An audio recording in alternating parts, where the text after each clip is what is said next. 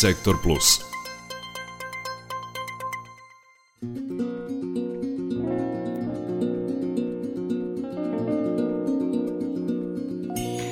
Dvanaest časova i 16 minuta. Slušate Radio Novi Sad emisiju od A do Š. 12 stepeni, temperatura vazduha u Novom Sadu. Stepen više zabeležen je u Zrenjaninu, Kikindi, odnosno Banatskom Karlovcu. Da, a u nastavku i rubrika Sektor Plus, ovoga puta o mladima i konzumiranju alkohola. Više od 40% mlađih od 16 godina u Srbiji jednom ili više puta se napilo, a čak 90% njih je probalo alkoholno piće, pokazuju poslednje istraživanja. Mladi su posebno podložni pijanstvu u vreme praznika i različitih slavlja, a odrasli im nisu dobar primer jer se alkohol u našem društvu podrazumeva kao nezaistovni deo takvih okupljanja. Opširnije Milijana Ana Kočić.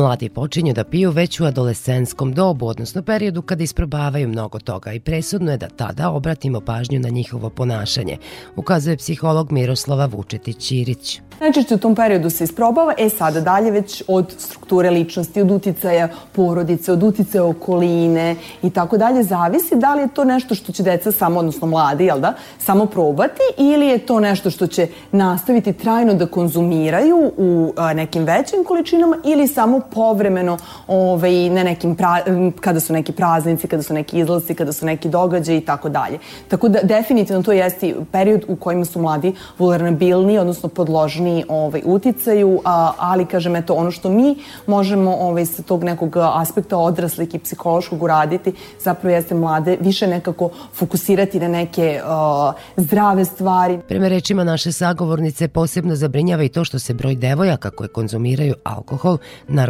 u izlascima, povećao 10 puta u proteklih nekoliko godina. Kako kaže, praktično nema razlika u polu i uzrastu ni kad je reč o učestalosti, ni kad je reč o količini alkohola.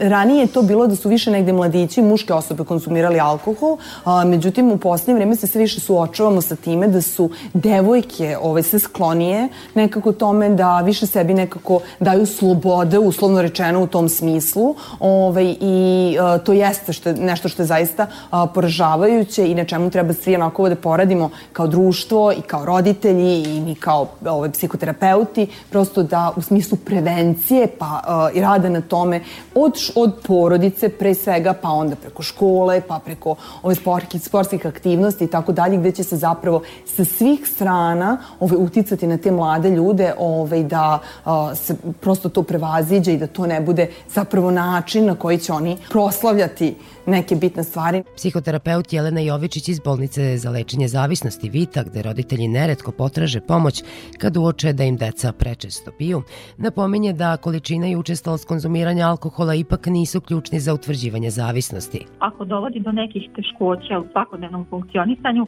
to je već alkoholizam. Znači nije bitno da li je to neko ko pije svaki dan ili nešto ređe ili jednom u nekoliko meseci, ukoliko zbog toga trpi na bilo kom aspektu svakodnevnog funkcionisanja i života neke posledice, onda je u pitanju alkoholizam. Znači ta definicija nije uh, ništa što podrazumeva određeno ograničenje u smislu toliko pića ako neko popije on je alkoholičar, nego se više gleda taj neki funkcionalni nivo. Jedan od izlečenih alkoholičara priča nam svoje iskustvo od pre više godina. Kao neiskusan alkoholičar sa pivom, da bi to prelazilo na tim rođen neka vina, da su počeli sa žestinom, znači da ne pričamo o količinama, odeš na rođen pa popiješ pola litre neke žestine i obezumiš se od alkohola, ne znaš totalno ne znaš gde si.